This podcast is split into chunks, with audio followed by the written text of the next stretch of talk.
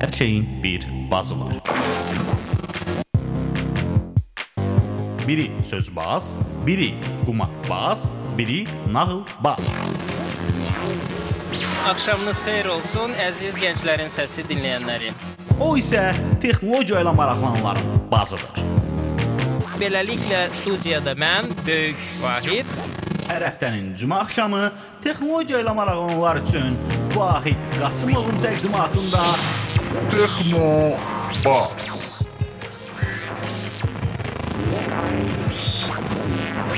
texnologiya ilə bağlı hər şey. Texnobazda.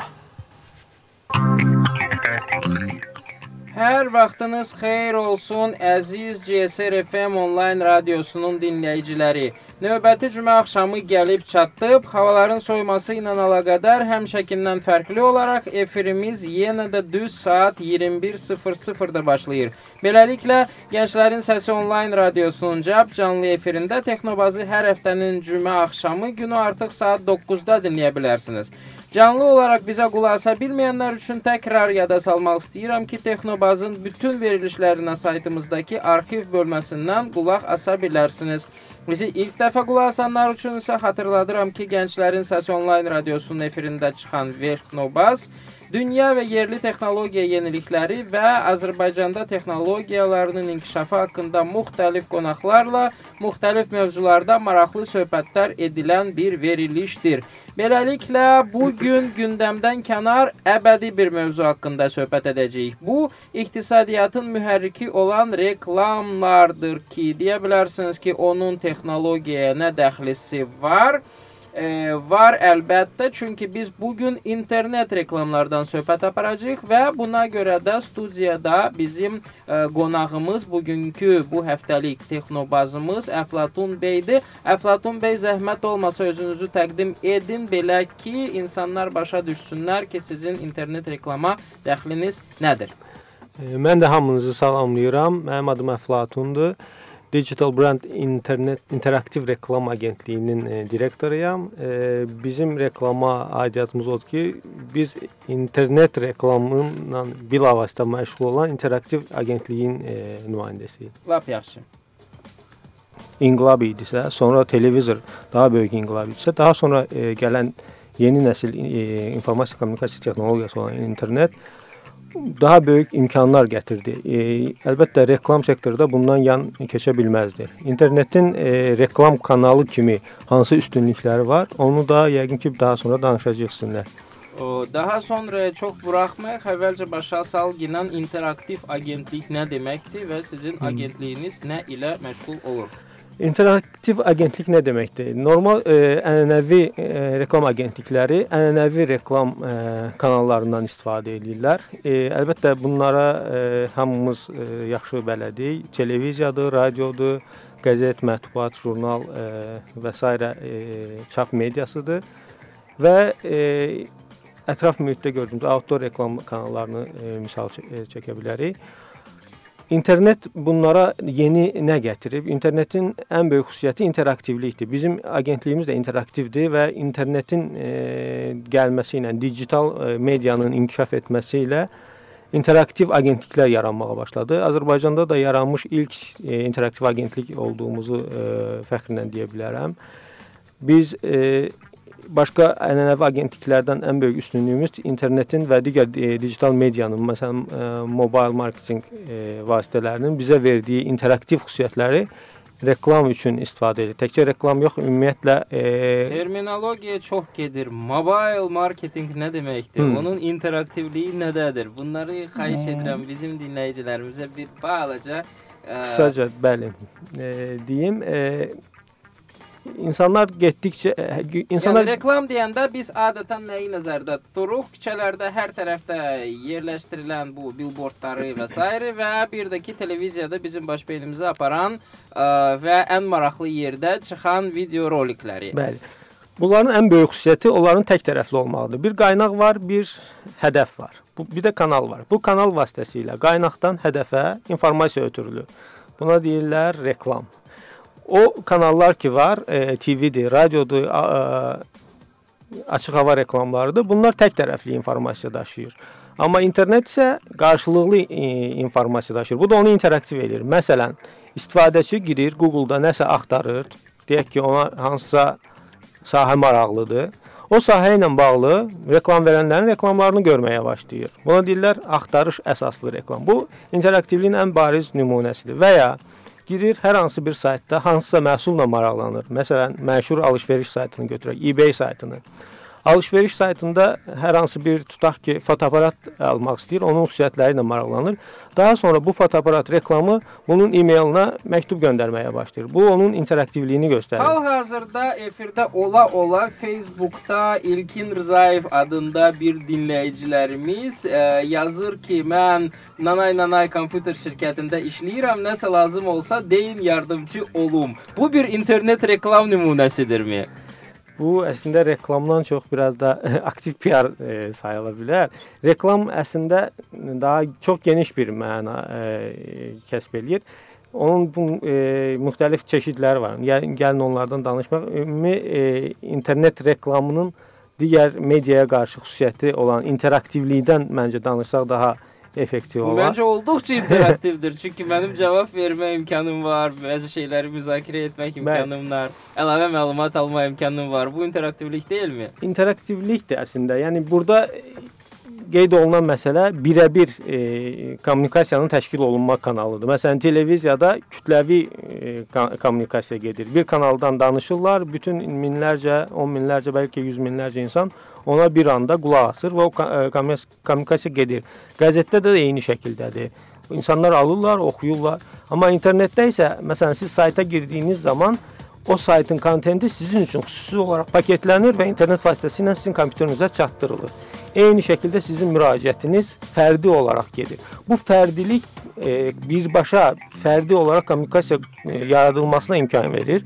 Bu da reklam verənlərə çox böyük üstünlüklər verir. Hər bir insanı fərqli hədəfləyib ona fərqli reklam göstərə bilirsiniz. Bir insana bir reklamı neçə dəfə göstərmək imkanınız olur ki, onu məhdudlaşdıra bilirsiniz və ya dəyişdirə bilirsiniz. Məsələn, ilk dəfə bu reklamı görsün, daha sonra bu reklamı görsün, ondan sonra bu reklam. Bu sizin əlinizi gücləndirir, daha çox imkanlar yaradır sizə.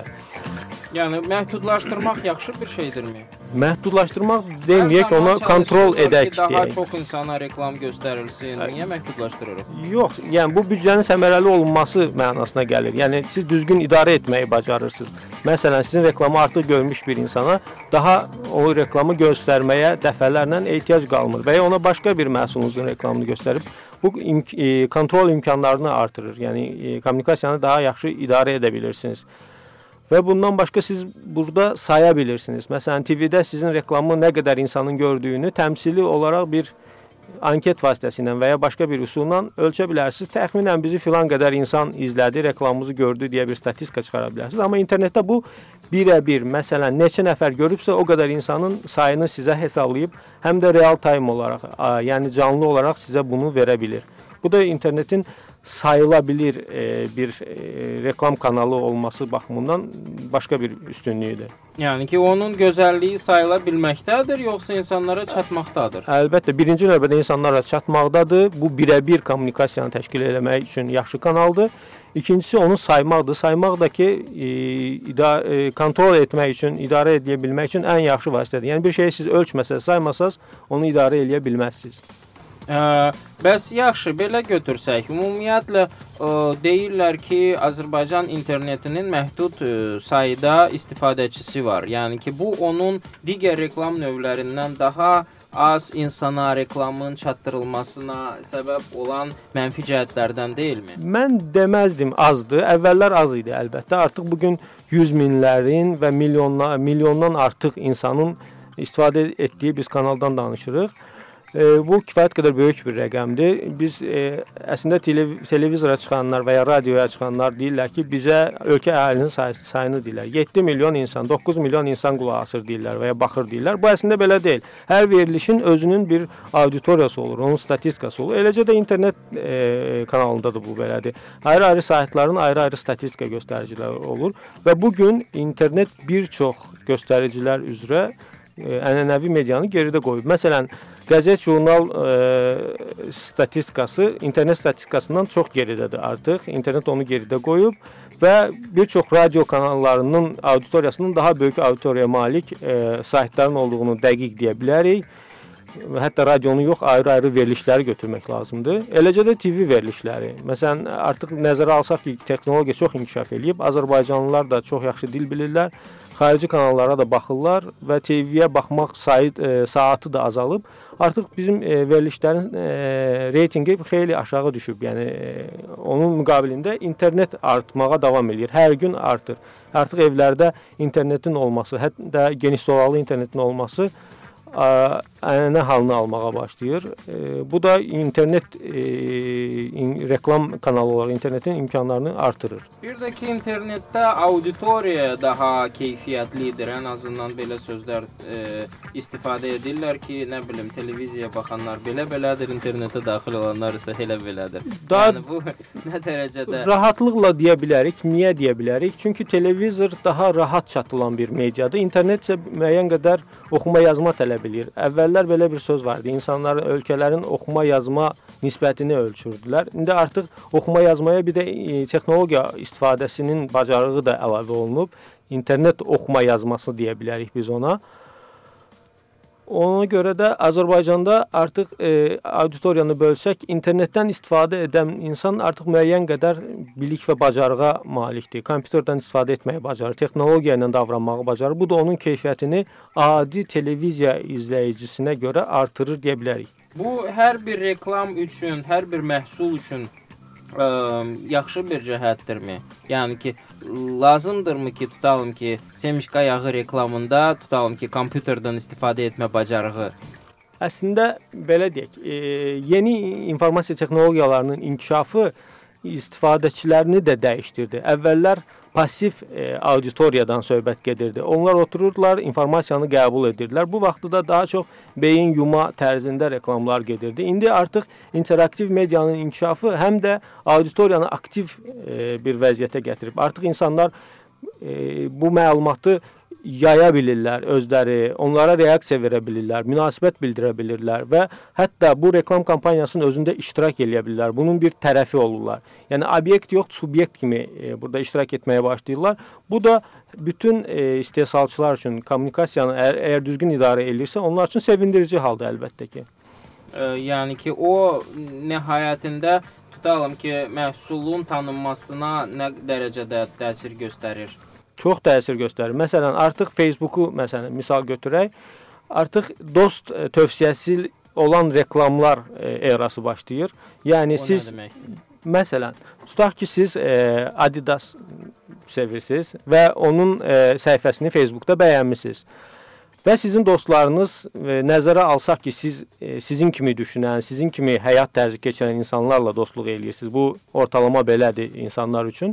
Onlar da sizin bəyəndiyiniz markanı görürlər orada. Onun reklamını görəndə artıq görürlər ki, sizin dostunuz bunu bəyənib və bizim yeni kolleksiyamız var. Bəlkə siz ona baxasınız. Bu e, reklamın diqqəti cəlb etmə ehtimalı yəni, daha, daha yüksəkdir. Bəli, daha effektivdir, daha bunu istifadə eləyir Bəli. və mən də bundan istifadə eləyim. Tam belə Azərbaycan mentaliteti. Bəli. Yəni bu təkcə Azərbaycanda Azərbaycanla bağlı deyil. Yəni siz özünüzə dost seçərkən artıq sizin e, dostunuz da sizin nə olduğunuzu, kim olduğunuzu bəlli eləyir. Siz dostlarınızla aşağı yuxarı Mənə ortaq dostunu söylə, mən Bəli. sənin kim olduğunu deyim. Artıq internetdə bundan istifadə etmək, xüsusilə də sosial şəbəkələrin geniş istifadəsi ilə birlikdə bundan e, geniş istifadə olunmağa başlayıb. Bu da reklamların effektini geri dönüşünü belə deyim, e, qat-qat artırır. Ənənəvi mediaya görə. Aha, aydındır. Ənənəvi media ilə müqayisəsinə biz hələ ə, qaydacağıq. Mən istəyirəm ki, qısa bir reklam fasiləsi verək. E, reklam deyil, əlbəttə ki, musiqiyə qulaq asacağıq. E, musiqiyə qulaq asandan sonra söhbətimizə davam edərik.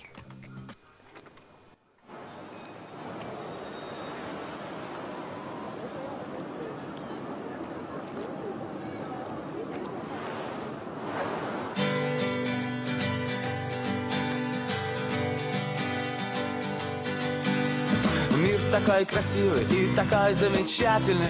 Я сижу напротив, как же ты привлекательна. Ты в моих глазах и мир тихонько сужается. Утро, солнце, кофе и сейчас все решается. Я к тебе подсяду, я спрошу, ты одна. Ты улыбнешься и скажешь мне да Ты улыбнешься и скажешь мне да Ты прекраснее всех, и я с тобой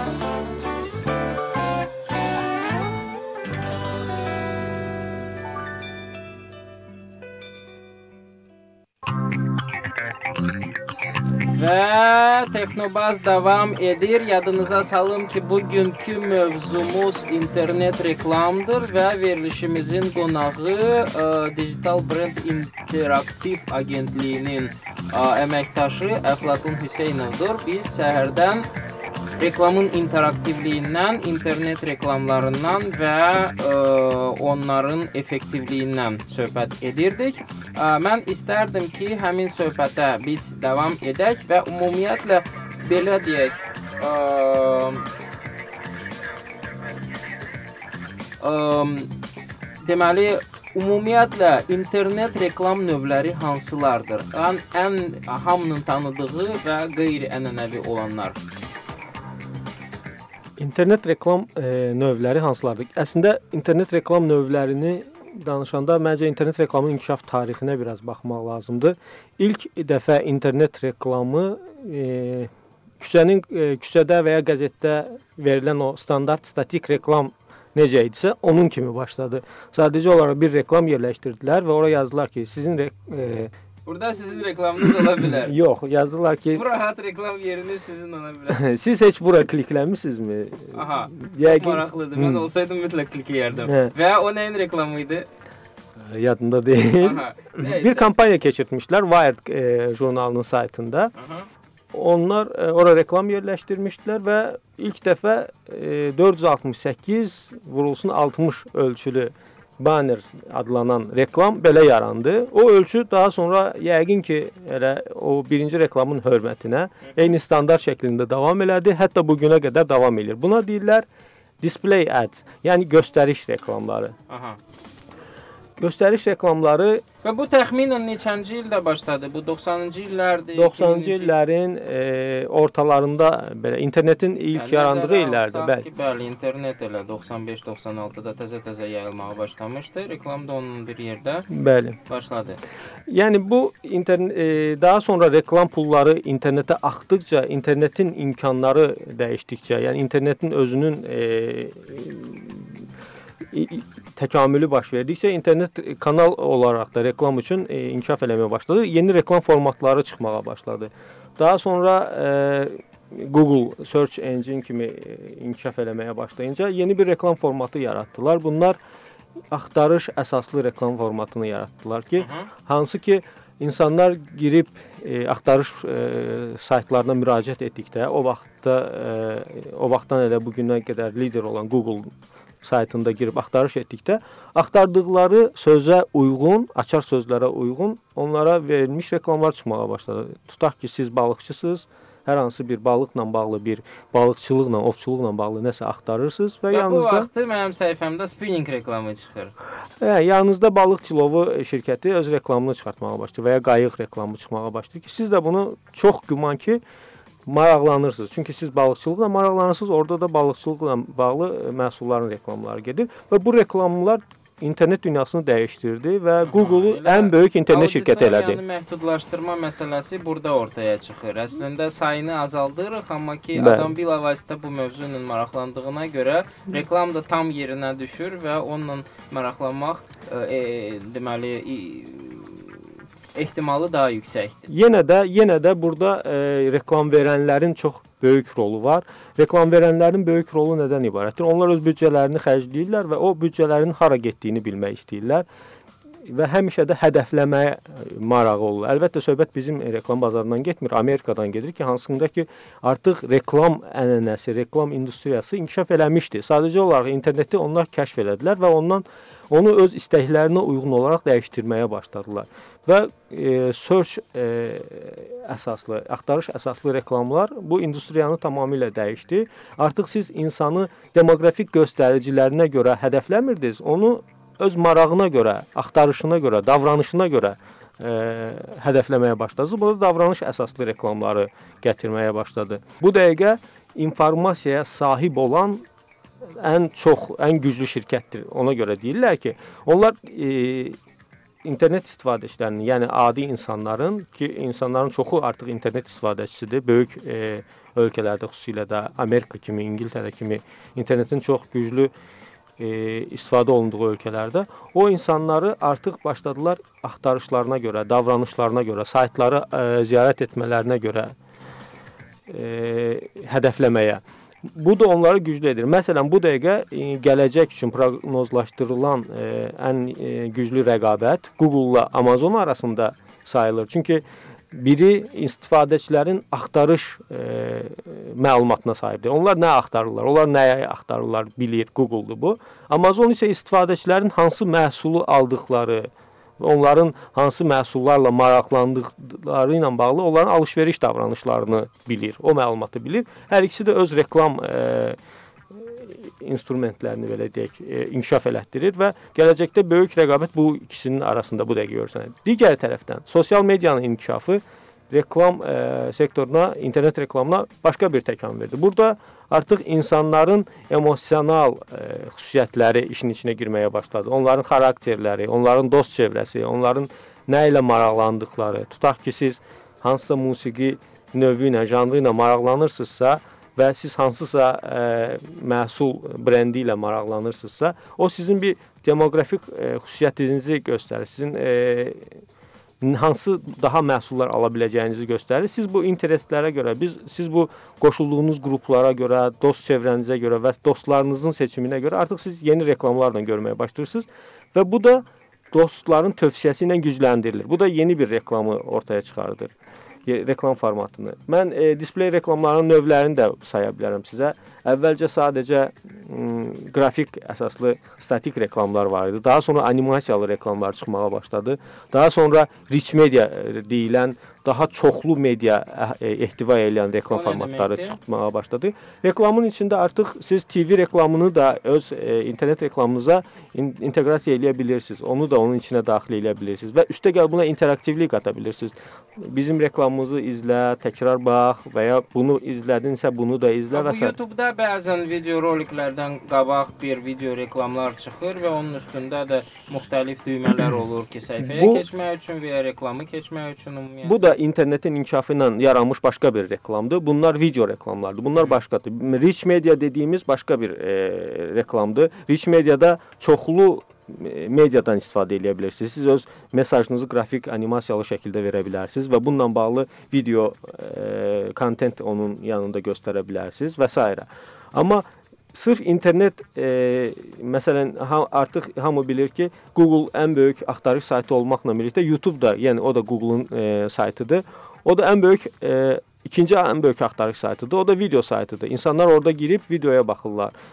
Necə ki əvvəllər te televiziyaya çox baxılırdı, indi YouTube-dakı videolara çox baxılır və bu auditoriyanı yenə də uyğun bir formatla əhatə eləyirlər. Ona e, video reklamlar göstərməyə başladılar. E, bizim bu mövzu ilə əlaqədar götürdüyümüz bəzi müsahibələr var. Mən istəyirəm ki, həmin müsahibələrə qulaq asaq, ondan sonra söhbətimizə davam edək. Son zamanlarda internet reklam keyfiyyəti də internet istifadəçilərinin sayından asılıdır. Yəni artıq internet Azərbaycanda internet saytların hər hansı bir kütləsi daha da çox olarsa onda ə, belə deyək, çöl billboardlarıdır. Yəni offline reklamda olan şirkətlərin reklamları birbaşa internetə də keçməyə başlayır. Yəni bu daha çox auditoriyaya çıxma imkanı verir. Bizi də şükür Allah son vaxtlar internet söyləşilərin saytı da artır. Həm də artıq bu xəbər saytlarıdır və ya daha çox belə maşın satan və ya iş axtaran saytların auditoriyası böyük olduğuna görə orada da məsələn internet reklamında bütün flash bannerdir, kontekstli reklamdır. Yəni hər bir növündən də belə də istifadə edirlər. Bu dəqiqə əlbəttə bu xarici dünyadakı, yəni inkişaf etmiş ölkələrdəki kimi mükəmməl səviyyədə deyil. Ancaq hər ildən ilə o daha artır internet reklamının həm keyfiyyəti artır, həm də internetdə reklam verənlərin sayı artır. Yəni, yəni əsl internetdəki reklamın keyfiyyətinin artmağı bunu reklam verənlərdən asılıdır. Yəni, onlar nə qədər çox olarsa, rəqabət çox olar və daha yaxşı işlərin ortaya çıxmasına gətirib çıxara bilər. Əvvəl bizdə şirkətlərin büdcələrinin çox cüzi bir hissəsi internet reklamına ayrılırdı. Ancaq internetdəki istifadəçilərin artımından sonra, xüsusən sosial şəbəkələrdəki istifadəçilərin artımından sonra artıq şirkətlər illik olaraq internet reklamı üçün ə, büdcələr mütəmadi ayırırlar və ildən də bu artır. İndi yüksək səviyyədə deyil, ancaq belə bazardan təxmin etmək olar ki, gələcəkdə daha yaxşı olacaq. Yəni məsələn belə götürüb xariclə müqayisə edəndə bu dəqiqə ABŞ-da, Avropanın inkişaf etmiş ölkələrində internet reklamı TV reklamından sonra ikinci yerdə, hətta bəzi ölkələrdə yəni gəlib TV reklamını keçməyə başlayır. Azərbaycanda isə ə, bu ə, internetdəki reklamların büdcələri həmin o dünyadakı ə, qeyd etdiyim bayaq ə, statistik göstəricilərdə gəlib ə, ənənəvi mediadakı reklama yaxınlaşmır. Nəzərə alaraq ki, sosial media və internet elə ə, limitsiz bir məkandır ki, orada demək olar ki, böyük bir əksəriyyət insanın cəlb eləmək olar. Məsəl üçün Azərbaycan əhalisinin 65%-i internetdən istifadə edir. Bu istifadəçilərin 65%-nə birbaşa çatmaq ə, imkanı bəxş edir. Eyni zamanda gün ərzində keçirdiyimiz vaxtı nəzərə alsaq internetdə ə, internet ə, məkanında və sosial mediada reklam e, günümüzün ən vacib elementlərindən biridir və demək olar ki, bütün böyük e, şirkət və kompaniyalar öz maddi maraqları çərçivəsində sırf sosial mediaya üstünlük verirlər. Öncələr e, daha çox brendinqə üstünlük verirdik. Bu gün sosial mediada hər bir brendimiz artıq bir fərd olur, bir şəxs olur. Əvvəllər e, biz markaya e, sadəcə marka bizə nəyisə deyirdi, reklamını göstərirdi. Bu gün bizim artıq imkanımız var ki, Facebookda markanın səhifəsində markaya sual verək. E, markadan e, dəyərlərini anlayaq. Yəni qarşılıqlı əlaqə var. Bir tərəfli informasiyanı almırıq. Sadəcə reklama baxmırıq. Eyni zamanda biz o reklama şərh eləyə bilirik. O reklamı paylaşa bilirik ki, Eyni zamanda internet reklamına ümumi reklam büdcəsindən e, 5-10%-ə qədər e, xərclənməsi adətən məsləhət görülür. Deməli internet a, reklamının bazarı artır. Çünki həm Facebookdan başlayırlar brendlər istifadə etməyə, həmçinin də YouTube-dan başlayırlar, indi başlayırlar artıq istifadə etməyə. 5-6 şirkət istifadə edir artıq. Və həmçinin də digər xəbər portalları və tematik veb-saytlara da a, insanlar girən girən insanların sayı artır. Bu baxımından internet bazarı, internet reklam bazarı artır. Hər şey asılıdır onun kimlərinə hədəf qrupu kimdir də. Gənclər isə televiziyadan ucuz başa gəlir, internetdə reklam bir kontaktın qiyməti. Amma 60 yaşından yuxarı adamlardırsa internetdə onlar yoxdurlar, ona görə digər kommunikasiya vasitələrindən istifadə etməlidirlər. Baxımından internetə baxır hədəf qrupuna.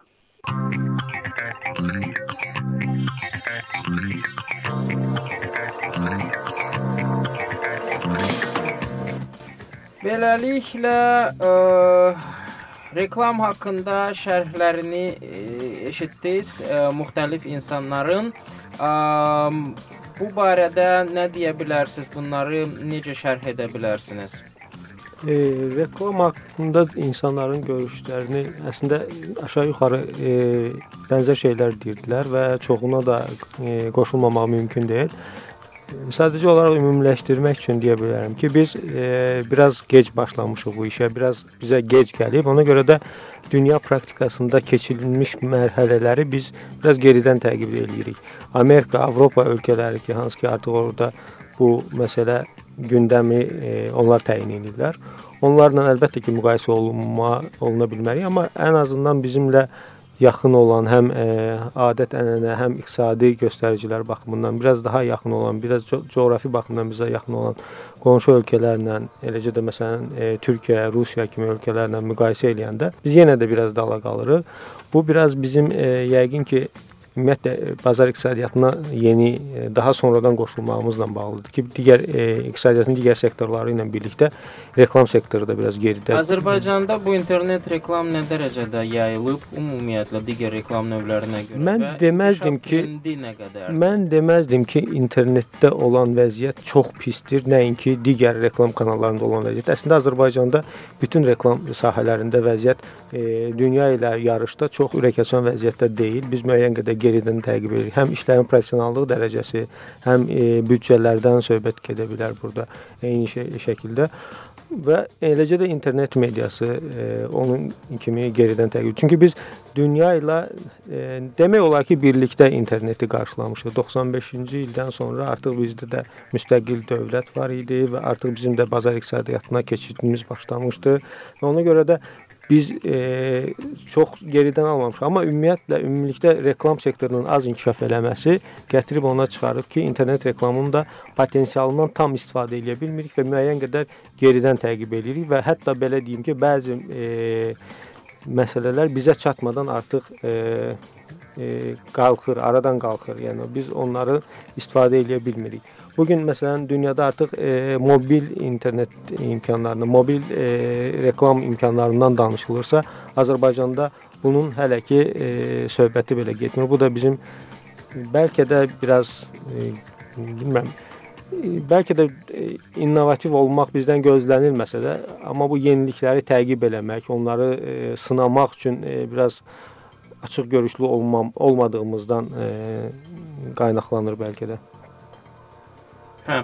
Və biz nə vaxt ümum dünya səviyyəsinə gəlib çatacağıq? Vəbşi belə bir ehtimal varmı ki, Azərbaycanda nə vaxtsa internet reklam həcmi faiza görə digər reklam növləri ilə belə dünya səviyyəsində gəlib çatacaq. Hər şey bazardan asılıdır. Bazarın da ən əsas oyunçuları pulu xərcləyən tərəfdir. İnsanları, auditoriyanı e, istifadə eləmək istəyən tərəfdir. Onda reklam verənlərdən çox şəxslidir. Azərbaycanda iqtisadi mühit, biznes mühiti, rəqabət mühiti artdıqca inkişaf elədikcə bun, onlar özlərinə kanallar axtaracaqlar kommunikasiya üçün. Bu da internetə pulun axmağına səbəb olacaq. Pul da gəldikdən sonra artıq burada professionallaşma da artacaq. Artıq burada e, kontentin istehsalı da artacaq, yeni e, layihələr ortaya çıxacaq.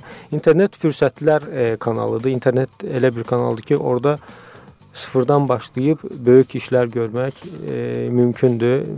Daha e, digər e, ənənəvi kanallara görə daha az vəsaitlə və daha az imkanlarla.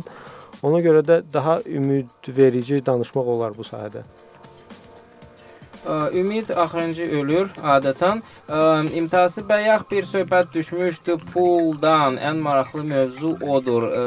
Nə qədər pul var bu işdə? Ümumiyyətlə internetə reklam yerləşdirmək, reklam verən tərəfdən nə dərəcədə sərfəlidir və deyəlim ki, bir sayt tərəfdən hansı ki reklamları qəbul edir, bu nə dərəcədə qazanclı bir işdir? E, belə deyək, əslində pulu verən tərəf ən onu ən yaxşı hesablayan tərəfdir. Pulun hara getdiyini ölçür, biçir. Sadəcə olaraq e, internetin potensialı bəzən kəşf olunmamış qalır. Yəni əslində o potensial var, amma istifadə olunmadan gedir. E, insanlar, yəni pul xərcləyəndə reklam vericilər onun geri dönüşünü hesablayaraq reklam verirlər. Onu hansı kanala sərf eləsəm, ondan daha çox geri dönüş alaram deyə fikirləşərək eləyirlər. Bu da artıq internetin getdikcə kütləviləşməsi onun maliyyətini düşürtməyə, düşürməyə başlayır və internetə daha çox pulların axmağına səbəb olur.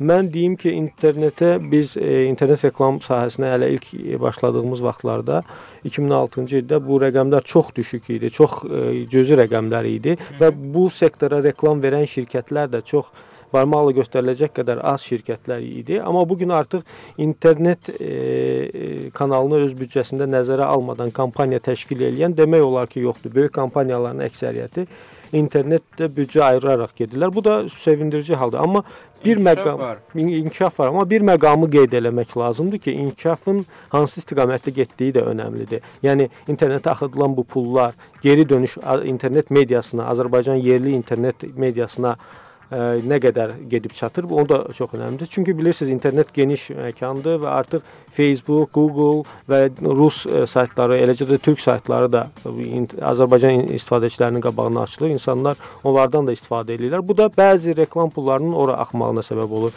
Məsələn, bu dəqiqə Facebook reklam büdcələri şirkətlərdə daimi olaraq e, yer almağa başlayır. Bu onlara müəyyən qədər pulun axıb getməsinə səbəb olur ki, bunun da Azərbaycan mediasının, internet mediasının inkişafına demək olar ki, heç bir e, xeyri yoxdur. Əlbəttə ki, bəzi yan məhsullar yaranmağa başlayır. Məsələn, Facebookda oyun keçirirsinizsə, yerli kontent onun üçün istehsal edirsiniz, kampaniya keçirirsinizsə, istehsal edirsiniz.